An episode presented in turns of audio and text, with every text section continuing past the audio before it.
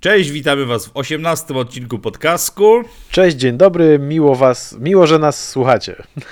Dzisiaj mamy trochę y, oczywiście ciekawostek, ale też zaczynają się testy i o tych testach trochę pogadamy. Tak, zabieramy się już na wyjazdy, ale to wszystko za chwilę usłyszycie. Dzień dobry, Piotr Jędrzejak. I Raf, jedziemy. Podcast o motocyklach na luzie. Tak jak wspomniałem, zaczyna się sezon testów motocykli, prezentacji prasowych, jak zwał, tak zwał, bo może testy to jest trochę za duże słowo.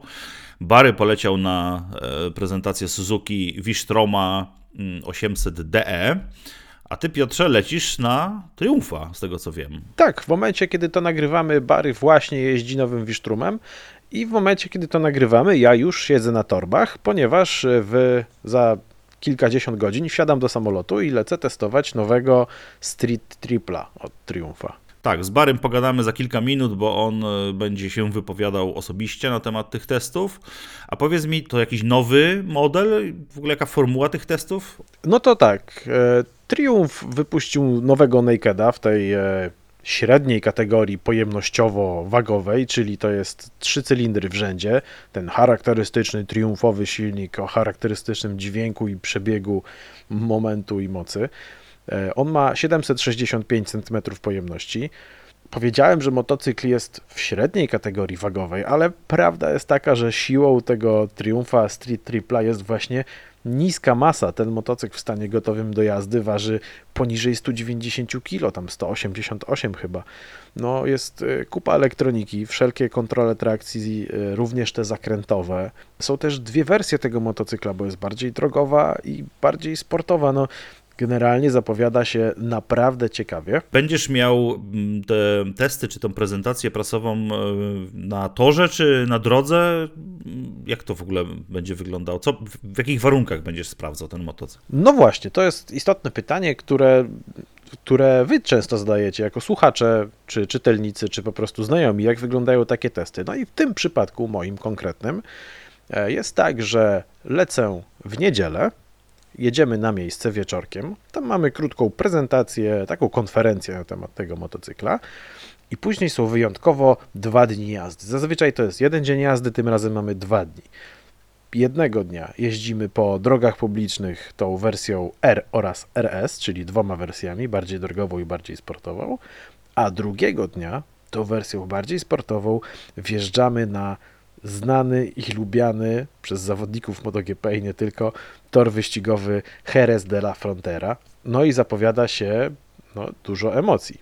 To będą dwa dni jazdy no i czwarty dzień podróży to tak naprawdę już powrót, czyli rano wsiadam do samolotu i w drogę. Fajnie, no to mam nadzieję, że nagrasz nam też tutaj coś yy, do, do podcastku, jakieś wrażenia z jazdy, albo może po prostu porozmawiamy za tydzień o tych testach, o, to może będzie nawet lepsze. Tak, jak, jak będziesz to nagraj może coś, e, jakieś rolki, może jakieś TikToki, żeby nasi widzowie mogli jako pierwsi zobaczyć ten motocykl. A tak przy okazji tych testów i początków i rozpoczęcia sezonu i prezentacji prasowych, to zauważyłem, że na polski rynek zaczynają nieśmiało wchodzić motocykle Motomorini. Widziałem je, jak byłem w, przy okazji prezentacji w w Pesaro, prezentacji Benelli, to widziałem właśnie Motomorini na, na drodze, to ten Xscape, powiem Ci, wygląda zarąbiście. Ciekawy jestem, e, jak to w Polsce będzie wyglądało i jak, jaki będzie odbiór, bo ceny mają super, poniżej czterech dych za ten motocykl. Tak, faktycznie na Motogenie pojawiła się informacja prasowa na ten temat, ponieważ Motomorini, jak się okazuje, od niedawna ma polskiego importera, zaczynają tworzyć się salony. Motocykle póki co są trzy, mają silniki 650. Całkiem niezłe ceny. No, zobaczymy, jak to będzie wyglądało, ale e, być może, być może nie wiecie, Motomorini nie jest wcale taką znaną marką. Otóż Motomorini narodziło się w 1937 roku. Jak przystało na włoską markę, miało dużo perypetii, przede wszystkim finansowych zawirowań. No i od roku 2018 Motomorini jest w rękach e, chińskiej korporacji, ale zarządzane jest i produkowane jest we Włoszech. No, zobaczymy jak to będzie, kiedy one faktycznie zjadą do polskich mm -hmm, salonów. Mm -hmm. Ciekawe, no Benelli to bardzo, bardzo, bardzo wyszło na zdrowie bo mimo tego, że jest taki joint venture z chińską korporacją dość znaną, ale jednak chińską, no to nie widać straty jakiejś jakości. Wydaje mi się, że nawet jakość jest lepsza, bo te Benelli wcześniejsze były znane z tego, że się głównie psuły, a w tej chwili no może nie są takie dynamiczne i, i wariackie jak kiedyś, ale przynajmniej są jakościowo super i się nie psują e, zbytnio, więc myślę, że z Motorini będzie po prostu podobnie. Pytanie tylko, czy mm, importerowi się uda ten serwis w Polsce jakoś zorganizować, bo no, to, to chyba jest podstawa. No właśnie, to jest bardzo dobre pytanie, bo póki co to ten polski importer mm, nie mówi o zbyt wielu szczegółach, mówi o tym, że sieć dopiero będzie, jest podpisana jakaś umowa z jakimś pojedynczym salonem, także póki co jest dużo zamieszania, niewiele konkretów, więc no, zobaczymy. No, każdy kiedyś zaczynał. A tak a propos cen, bo Motor Morini mówimy, że ceny super, że tam powiedzmy x poniżej 40 tysięcy.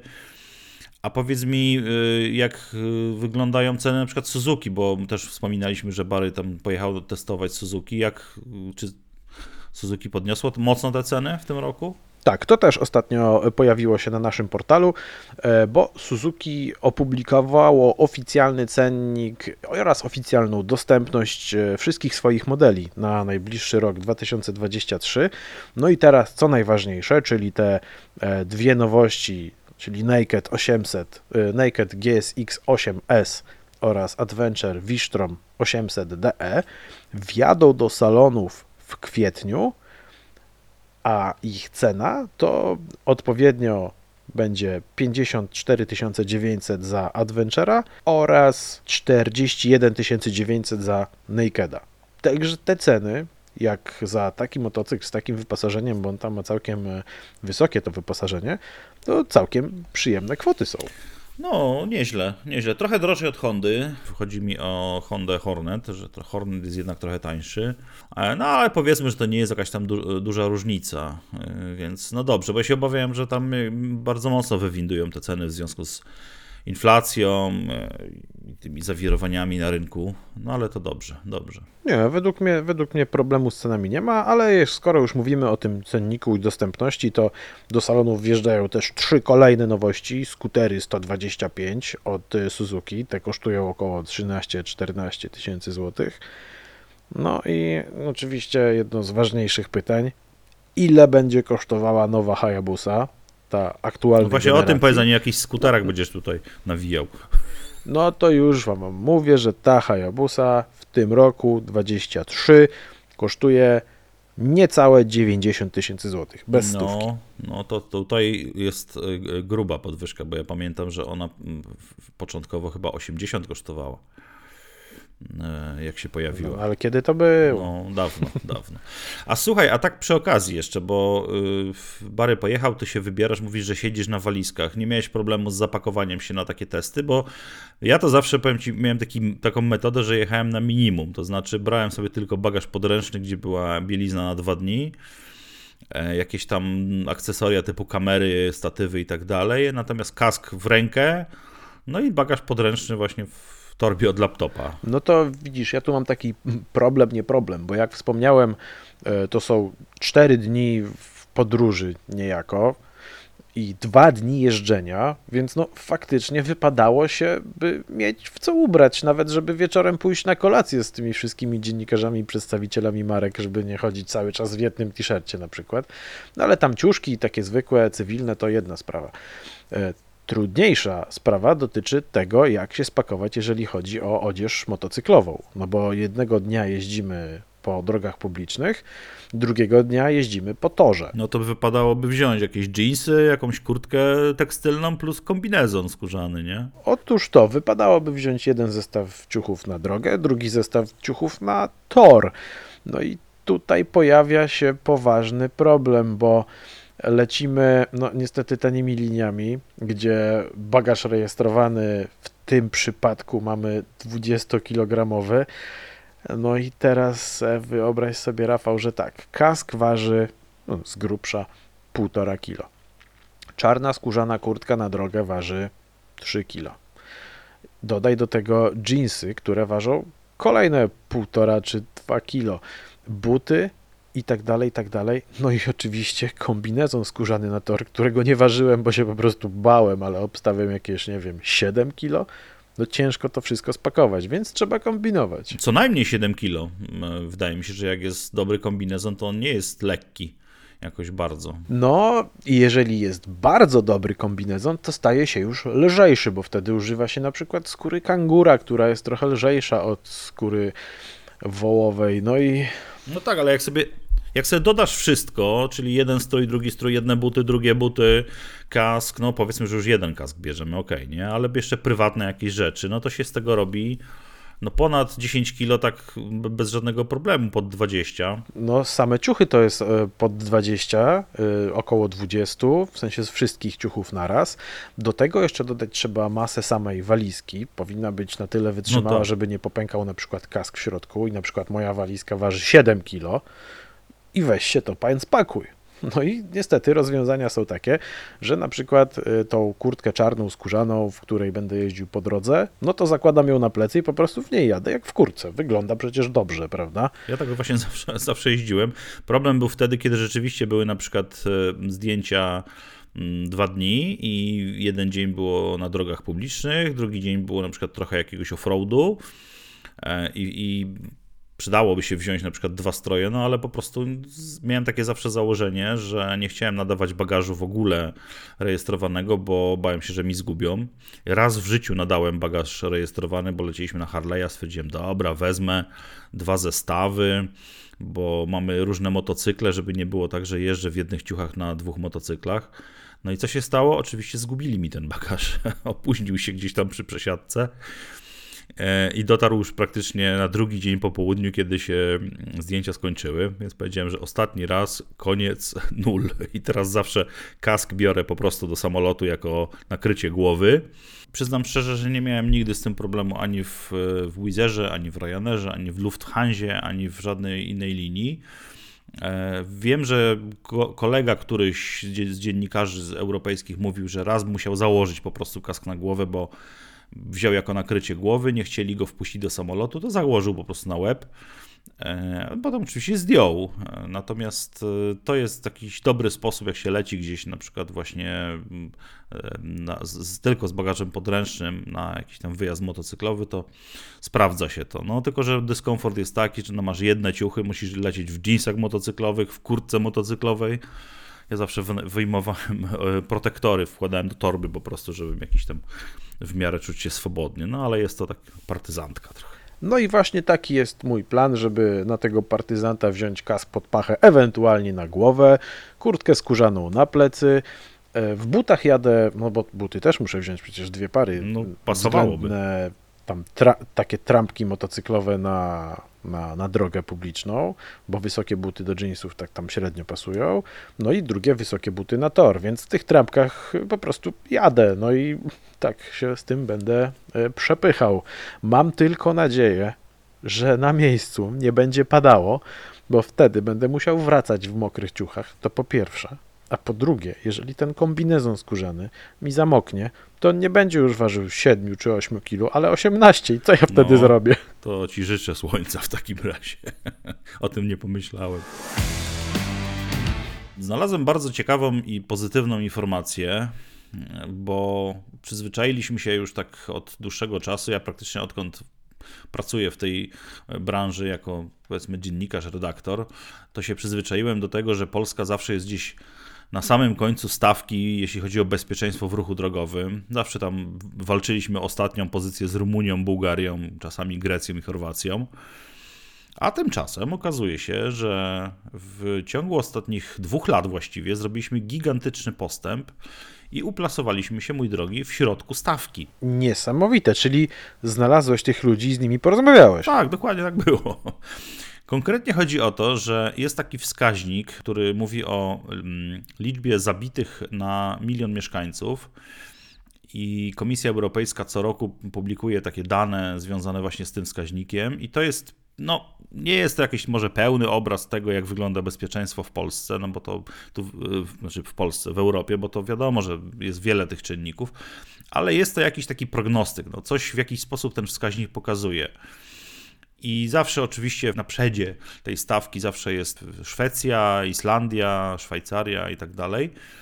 Natomiast y, my z wyniku 77, który był w 2019 roku, 77 zabitych na milion mieszkańców, mamy 51 zabitych na milion mieszkańców. I to jest no, gigantyczny skok, bo to jest ponad 30% lepiej niż było jeszcze 3 lata temu. Świetnie. Tak, no to jest średnia, to jest średnia unijna, to jest, to jest poziom mniej więcej, zaraz ci powiem, to jest poziom mniej więcej Belgii, Czech, yy, Francji i tak dalej. Świetnie, świetnie. A czy Rafał wiesz, czemu możemy zawdzięczać ten, ten wynik, jakim zmianom? Wiesz co, no, raport Komisji Europejskiej tego nie mówi, mm, no ale tak czysto już z własnego doświadczenia, czy właściwie z własnych obserwacji, to mogę zaryzykować, że na pewno jest to skutek y, zmian takich po prostu w mentalności kierowców, że pewnie Łukasz Zboralski z BRD24 by powiedział, że to kwestia nowego taryfikatora, ale mm, czy tam większej liczby punktów karnych.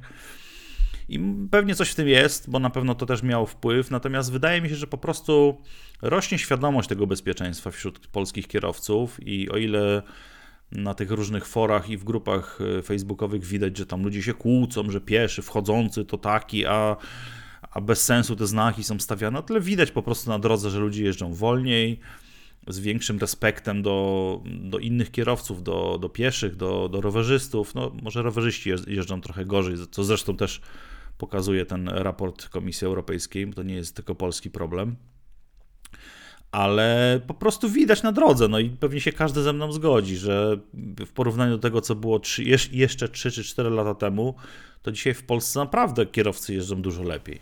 Też tak uważam.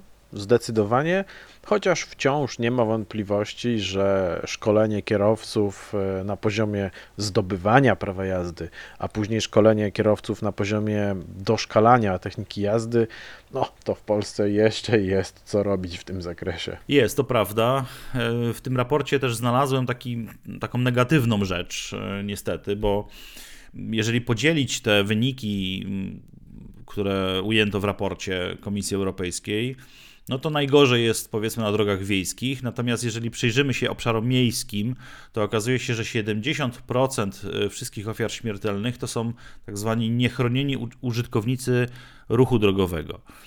E, czyli na przykład e, motocykliści, piesi, rowerzyści, motocykliści. Mm, no i to pokazuje, że i to nie jest tylko w Polsce, oczywiście dodam, tylko to jest w całej Europie, i to pokazuje, że jeszcze bardzo dużo pracy trzeba poświęcić temu, żeby tych niechronionych uczestników e, w jakiś sposób właśnie chronić przed skutkami wypadków. Między innymi właśnie poprzez to, co powiedziałeś, edukację, e, czy budowanie tej świadomości, ale tak powiem, tendencja jest bardzo dobra i ja się z tego bardzo cieszę, że mogę może nie mieć pewność, ale, ale mieć takie przekonanie, że jak wyjadę motocyklem sobie w weekend i pojeździć, to, to wrócę po prostu w jednym kawałku. Świetnie, to są naprawdę pozytywne informacje. Jestem bardzo happy. W takim razie, pozostając w temacie bezpieczeństwa w ruchu drogowym, bywają też tacy kierowcy, którzy czasami się zastanawiam, czy w ogóle powinni wyjeżdżać na drogi. Pan Bogdan, emeryt, wymyślił sobie, jak poszedł na emeryturę, że będzie jeździł samochodem, bo widocznie w czasie swojej kariery zawodowej nie potrzebował samochodu, ale na emeryturze stwierdził, że a, będę sobie jeździł na działeczkę, na ryby, czy gdzie tam indziej. I przez prawie 5 lat wykonał 58 podejść do, do egzaminu na prawo jazdy, ale za 58 razem z sukcesem, no bo zdał wreszcie nie wiem, czy gratulować, czy się bać. Odebrałem mi mowę, ale Rafał, teraz trzymaj się fotela i zapnij pasy, bo to nie wszystko. Trzymam się. Co tam, masz jeszcze coś lepszego? Tak, bo rekord jest jeszcze daleko. Otóż to jest informacja z 2021 roku, czyli to było niemalże dwa lata temu i wtedy ten pan był rekordzistą Polski. Obstawiam, że wciąż tym rekordzistą Polski pozostaje. Otóż pewien 50-latek, niedaleko Łodzi, bo z Piotrkowa Trybunalskiego, podchodził do prawa jazdy, do egzaminu na prawa jazdy 192 razy.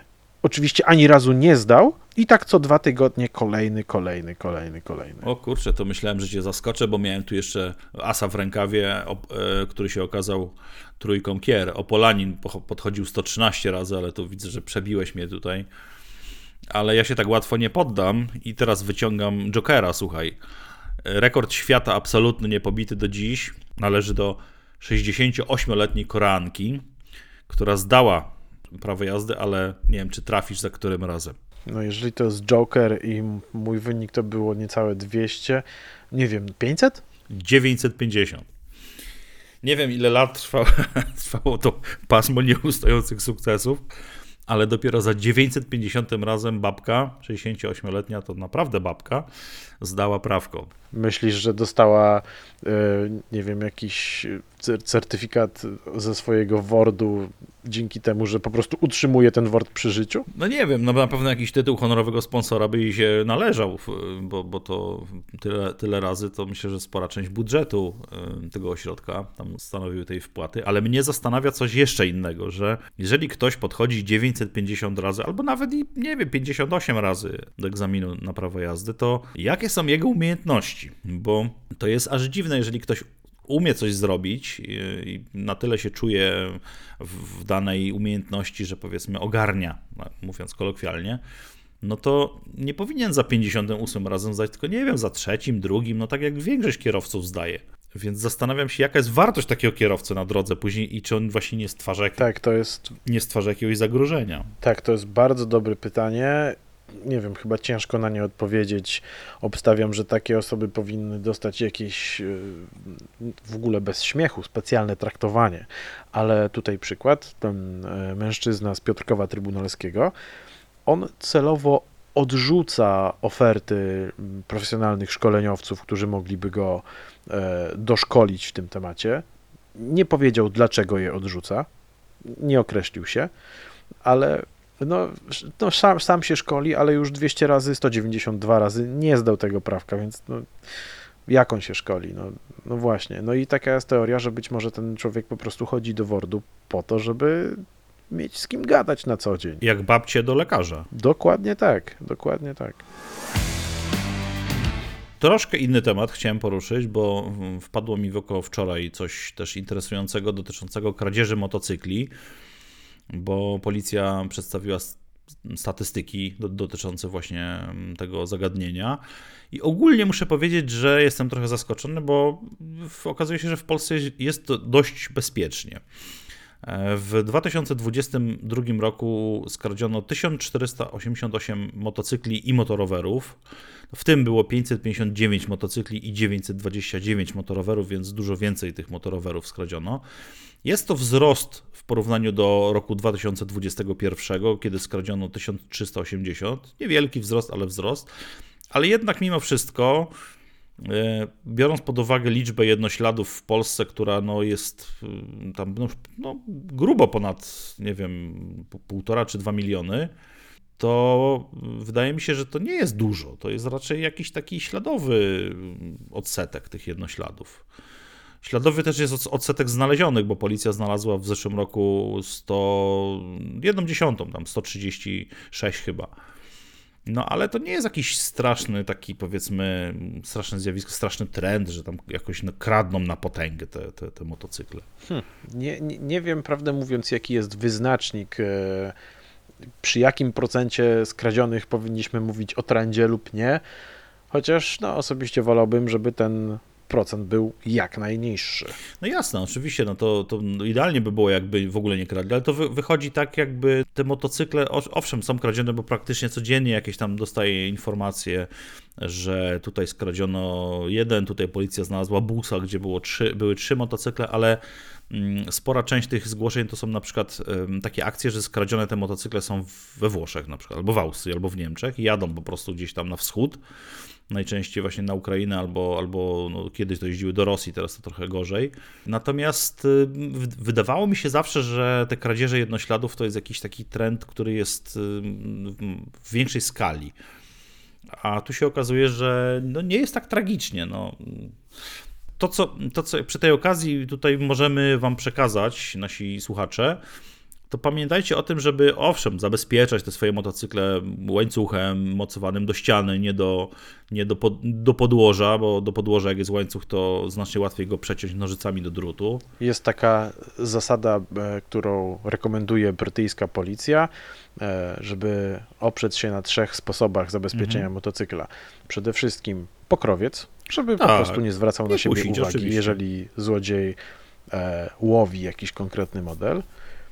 Po drugie, blokada na tarczę, aby ciężko było go przepychać. I po trzecie, łańcuch zamontowany do jakiegoś elementu krajobrazu nieruchomego. Tak, i tylko z mojej strony, jakby z tych szkoleń, które miałem w przeszłości, w, między innymi w firmie Abus, to mogę Wam też podpowiedzieć, że lepiej łańcuch zamontować do ściany, tak jak powiedziałem, dlatego że jeżeli jest zamontowany do podłoża, co się najczęściej dzieje, albo macie łańcuch zamontowany na przykład do jakiegoś miejskiego stojaka, mm, to bardzo łatwo go przeciąć nożycami do drutu, takimi dużymi. Po prostu nożyce się opiera o ziemię, i wystarczy nacisnąć tylko jedną z dźwigni. Natomiast jak jest łańcuch w formie wiszącej, przymocowany jest do ściany na przykład albo do jakiegoś elementu infrastruktury, który jest wyżej, no to złodziej nie ma się o co oprzeć i jakby bardzo trudno mu wtedy, wtedy przeciąć e, taki łańcuch e, nożycami do drutu. Może użyć Sprytne, sprytne. może użyć tak, diaksa akumulatorowego, ale to jest więcej roboty, więcej hałasu przede wszystkim. A tu chodzi o to, żeby to zrobić w miarę szybko. No i tak, generalnie przeciwdziałanie złodziejom polega na tym, że no, nie ma takiej blokady ani takiego zabezpieczenia, którego nie pokonają. Ale jeżeli złodziej ma do wyboru ukraść motocykl zabezpieczony trzema sposobami, czy ukraść taki, który ma wyłącznie blokadę na kierownicę ze stacyjki, no to wiadomo, który wybierze. Tak, oczywiście, dokładnie. Dodatkowo, jak wam już ukradną taki motocykl, to pamiętajcie, żeby od razu działać, wsiadać w samochód, y, jeździć, szukać, bo mm, bardzo częstą praktyką wśród złodziei jest pozostawienie takiego motocykla gdzieś w widocznym miejscu na parkingu. A to dokładnie taki sam przypadek miał nasz kolega z firmy, e, któremu ukradli Nakeda BMW G310G. Było to ze 4 lata temu. No, motocykl skradziony, rozesłaliśmy taką informację po mediach społecznościowych i po wszystkich zaprzyjaźnionych redakcjach, że jednemu z naszych ukradli motocykl. E, No i faktycznie za, za w ciągu doby, wydaje mi się, ktoś e, dał znać, że taki motocykl stoi zaparkowany gdzieś w jakiejś ulic, uliczce, e, chyba w Legionowie pod Warszawą, a skradziony był w Warszawie, e, nieopodal deptaka. No i jasnym celem złodziei było, aby sprawdzić, czy motocykl jest, jak to się mówi w żargonie policyjnym, gorący. Czyli czy wciąż jest poszukiwany, czy nie. No jeżeli przez kilka dni właściciel lub policja tego motocykla nie podejmie, to wtedy złodziej po niego wraca i robi z nim to, co tam zrobić powinien. Znaczy, nie powinien. Tak, złodzieje doskonale zdają sobie sprawę, że wiele motocykli e, ma lokalizatory, jakieś urządzenia, które albo radiowo, albo przez e, GSM można namierzyć i owszem, jak ktoś ma powiedzmy biznes polegający na e, kradzieży motocykli, no to ma jakiegoś ekranowanego busa i tak dalej, ale większość złodziei po prostu kradnie motocykle mm, hurtowo, więc oni tam jakoś specjalnie się nie, nie, nie starają, żeby mm, y, zorganizować ten, te, te, te, te kradzieże, tylko po prostu kradną, zostawiają w jakimś ustronnym miejscu, żeby sprawdzić, czy on nie ma lokalizatora, no bo jak ma, to właściciel go namierzy. Dlatego też Was za- zachęcamy, żeby stosować lo- lokalizatory. One występują w różnych cenach. Te najprostsze to są na przykład takie, e, Apple ma takie a- AirTagi, takie, takie jak kółko, jak breloczek to wygląda. Można to w zupełnie niewidocznym miejscu schować i zawsze, jeżeli gdzieś w pobliżu będzie iPhone, no to będzie można namierzyć po prostu taki, taki motocykl. Zdaje się, że Samsung też coś takiego ma. Ma, znaczy to, to są też, bo, bo to są dwa typy. Są, są takie na, pod Androida i pod, e, pod Apple'a. Z, z tym, że pod Apple'a zawsze działają i, i one jakby są do, bardzo dobrze skonfigurowane, i, a jeśli chodzi o pod Androida, to zależy od systemu. Nie każdy telefon to obsługuje i tak dalej, i tak dalej. Zawsze lepiej to mieć niż nie mieć, więc nie musi to być Apple, może to być jakiś inny system, ale zachęcamy Was do tego, żeby korzystać z takich rzeczy, bo to nie jest drogie, a zawsze to jest jakby plus do pewnego zabezpieczenia motocykla. Tym bardziej, że teraz sezon się zaczyna i będziemy jeszcze bardziej narażeni na różne e, takie, takie nieprzyjemności. Bary, powiedz mi, jak pierwsze wrażenia po testach tego Suzuki Wistroma 800, bo jednak jest to trochę rewolucja, trochę obrazoburstwo, bo nazywa się on Wistrom, a ma silnik rzędowy. I jak tu w ogóle odbierasz to wszystko? Ja zacznę może od tego, że ja się naprawdę ekscytowałem lecąc na te testy. Bo wiesz jak to jest, czasami się jeździ na te testy i to takie nowe malowanie, zmienione tu i ówdzie, a tutaj mamy naprawdę zupełnie nowy motocykl z zupełnie nowym silnikiem, który jak słusznie zauważyłeś, jest silnikiem rzędowym, dwucylindrowym, choć motocykl nazywa się V-Strom 800.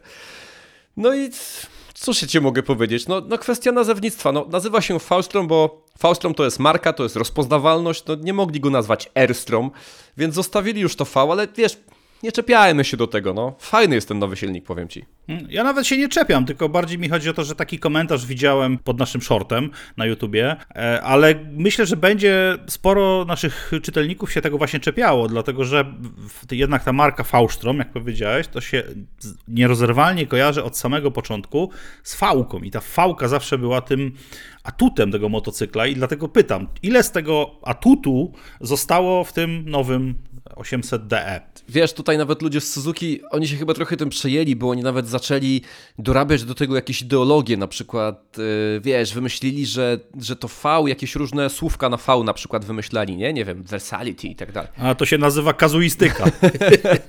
tak, ja oczywiście mam to kompletnie w nosie, co oznacza to V w tej nazwie. No, jest V-strom, silnik jest rzędowy, ok.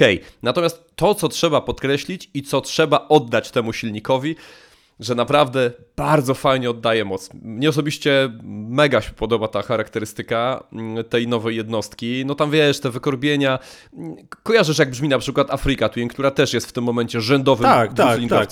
tak, dokładnie właśnie słyszałem nawet na tym filmie, że on pracuje w taki charakterystyczny sposób, e, właśnie jak, jak rzędówka, która ma przesunięte te... No właśnie, więc to ja bym go porównał w ogóle do Afryki Twin, oczywiście w trochę słabszej, mniejszej pojemności, ale to jest mniej więcej ten kierunek, to są właśnie te nowoczesne, zresztą zobacz, już prawie wszyscy poszli w te dwucylindrowe rzędowce, czy to Yamaha, czy to Honda, no te silniki rzeczywiście robią robotę. On bardzo fajnie oddaje moc. Z samego dołu. Ten silnik ma pazur, tam są 84 konie mocy, ale masz wrażenie, że jest więcej. Ten silnik jest dynamiczny, od 3000 obrotów wkręca się już bardzo fajnie, przyjemnie brzmi.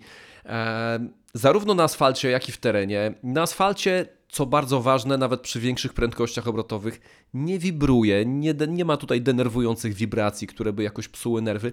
Więc naprawdę ta jednostka napędowa, ta nowa zupełnie jednostka napędowa, jak to Suzuki ciągle się chwali z dwoma wałkami wyrównoważającymi, naprawdę jest tutaj jedną z najmocniejszych stron tego nowego Faustroma 800. No a, po, a, pozostałe elementy, to znaczy, nie wiem, pozycja na przykład, czy powiedziałem, że byłeś zadowolony na przykład z wyświetlacza, bo jest prosty i kolorowy, faktycznie fajnie wygląda, mhm. ale pozostałe rzeczy, nie wiem, czy tam nie ma jakichś takich fuck-upów typu, że coś ktoś zapomniał, coś źle zaprojektował, coś o coś zahacza i tak dalej. Wiesz, jeżeli chodzi o ten wyświetlacz, to ja chwaliłem właśnie przede wszystkim to, że on jest nieprzekombinowany, wiesz, mnie to denerwuje, jak wsiadam na Afrikę Twin i tam muszę muszę grzebać w tym menu, żeby coś zmienić. Przytłacza mnie to. Albo na Triumfa 1200 Tigera, tam po prostu, żeby się dostać do czegokolwiek. I szukasz przez 5 minut, jaki masz przebieg całkowity, bo nie jest to od razu widoczne. No tutaj tak nie ma. Tutaj masz po prostu, wiesz, kontrola taksi, trzy tryby jazdy, trzy jakby mapy zapłonu, ustawienia ABS-u. Koniec, nie ma tutaj żadnej zbędnej filozofii. To, co jest potrzebne, to jest. Mm, wiesz co, to może zacząłbym od tego, że no on jest po środku, bo on ma tak rozstaw osi między 650 a między 1050. Mm, mocowo jest też po środku, natomiast ma największy prześwit. Miał być taki najbardziej terenowy, taki najbardziej przygodowy z tych wszystkich Faustramów i rzeczywiście taki jest. Dokładnie taki jest. Y, to, do czego się można czepić, do, do czego się na pewno wiele osób przyczepi poza nazwą, to jest masa własna. To jest 230 kg w stanie gotowym do jazdy. To jest sporo. Jak na motocykl, który ma przygodowym, no to się wydaje, że jest dużo, prawda? Sporo, to jest poziom triumfa. No właśnie, ale i tutaj wiesz lub nie, ale jakoś tego nie czuć. Mnie to nie przeszkadzało w trakcie jazdy. Powiem więcej, jak wyjechaliśmy z hotelu, zrobiliśmy parę pierwszych zakrętów, to ja zacząłem się zastanawiać, czy tam na pewno z przodu siedzi koło 21 cali. Tam jest z przodu 21, a to tak fajnie jeździ po zakrętach, to daje tyle radochy ze śmigania po winklach, że mnie się nie do końca chciało nim jeździć, wiesz, po jakimś tam cięższym terenie. Mieliśmy opony takie raczej mocno szosowe, to były Dunlopy, te Trail Maxy, mm, to się dokładnie nazywa Trail Max Mixture i no to jest opona bardziej na asfalt niż gdzieś tam, no, wiesz, w jakiś teren. Więc po tych kamieniach w tym kurzu to tak nie do końca mi się chciało tym motocyklem jakoś dzisiaj, wczoraj jeździć. Natomiast no radocha jaką miałem z latania po, po zakrętach, po asfalcie, w ogóle wow, no. Pytałeś też, co jest niefajnego. Można się czepić do pewnych rzeczy, ale to wszystko zależy od tego, jakie masz oczekiwania. Jeśli będziesz oczekiwał lekkiego motocykla, którym będziesz jeździć głównie w terenie, no to wiadomo, że to nie jest ten kierunek. Jeśli będziesz na przykład oczekiwał takiego komfortu czy takiej ochrony przed wiatrem, jak na Faustromie 1050, no to nie. Tutaj nawet regulacja szyby odbywa się przy pomocy klucza i trzeba sobie tą szybę gdzieś tam przemontować na jedno, drugie lub trzecie położenie. Nie można tego zrobić jednym ruchem ręki, tak jak w większych adventurach. Więc wszystko zależy od oczekiwań. Trzeba wiedzieć, że Faustrom 800 to jest motocykl klasy Adventure, tak zwany średniak, czyli to jest średnia kategoria pojemnościowa. On ma chętniej niż 1050 wjeżdżać w teren, ma być zwrotniejszy, ma być lżejszy i poręczniejszy, ale jednocześnie no, nie może być aż tak wygodny i robić aż takiej fajnej ochrony przed wiatrem jak Faustrom 1050, więc zacząłbym od y, oczekiwań, żeby wiedzieć dokładnie do czego ta 800 DE ma być. To jest taki konkurent trochę Transalpa, wydaje mi się. Chociaż Transalp raczej bardziej drogowy będzie chyba. Popraw mnie, jeśli się mylę. Nie jeździłem jeszcze nowym Transalpem, ale wydaje mi się, na podstawie tego, co czytałem, oglądałem, widziałem na targach Heikma chociażby, jak się przyglądałem Transalpowi, wydaje mi się, że to będzie trochę tak, że Faustrom 800 będzie troszeczkę pomiędzy Tenere 700, a pomiędzy Transalpem. Czyli rzeczywiście, że Transalp będzie jeszcze bardziej asfaltowy, a Faustrom 800 będzie troszeczkę bardziej offroadowy, ale chyba nie aż tak offroadowy jak Tenere 700. Oczywiście mówimy tutaj o dość drobnych niuansach, drobnych różnicach, no każdy to oceni sam.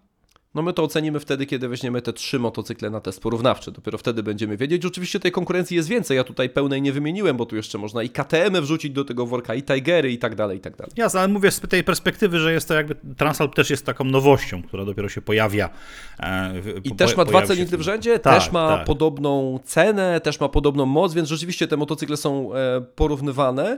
No ja tak podsumowując to, co powiedziałem Ci o Faustromie 800D i podsumowując te dwa dni jazdy, ja jestem pozytywnie zaskoczony. Przede wszystkim pozytywnie zaskoczony tym, jak fajnie tym motocyklem jeździ się po zakrętach. Pomimo, że z przodu mamy felgę 21 cali, zupełnie to nie przeszkadza w bardzo sprawnym przerzucaniu z jednego zakrętu w drugi. Po drugie, jestem fanem tego nowego silnika Suzuki. Nie mogę się doczekać, kiedy pojeżdżę tym Nakedem, czyli GSX 8S.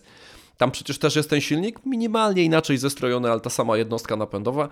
I no, wróżę mu ciekawą przyszłość, jeśli będzie też tak żywiołowy jak, e, jak Faustrom, a pewnie będzie. Ma pazur ten sprzęt i to mi się podoba. W tym nowym Nakedzie, jak będziesz testował, to możemy liczyć na słynne pół gumy Barego. Tutaj e, nie wiem, czy będą pół gumy, czy będą ćwierć gumy. No w ogóle, jeżeli już mowa o gumach, to jeszcze zapomniałem Ci powiedzieć o tym fajnym trybie G, który ma Faustrom. To jest taka kontrola trakcji, która pozwala, właśnie, pozwala robić różne rzeczy. I na przykład okazuje się, że kontrolę trakcji masz włączoną w tryb G i możesz sobie tam, wiesz, pomóc zarzuceniem tylnego koła przy wykręcaniu, albo możesz sobie takim długim power slidem wyjść z zakrętu. I zwiedzić okoliczne krzaki. Możesz zwiedzić okoliczne krzaki, nie wiem czy możesz pójść na gumie, nie próbowałem, ale na GSX 8S spróbuję. I pół gumy, i gumy, i ćwierć gumy, i co tam tylko się da zrobić. Póki co nie wiem kiedy testy GSX 8S, a od razu mówię, że nie wiem, pierwsze zrobili Faustroma, o Nakedzie póki co cicho sza.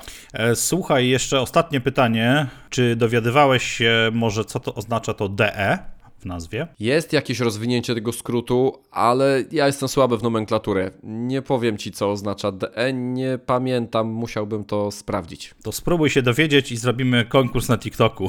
może, może nasi widzowie rozwiną.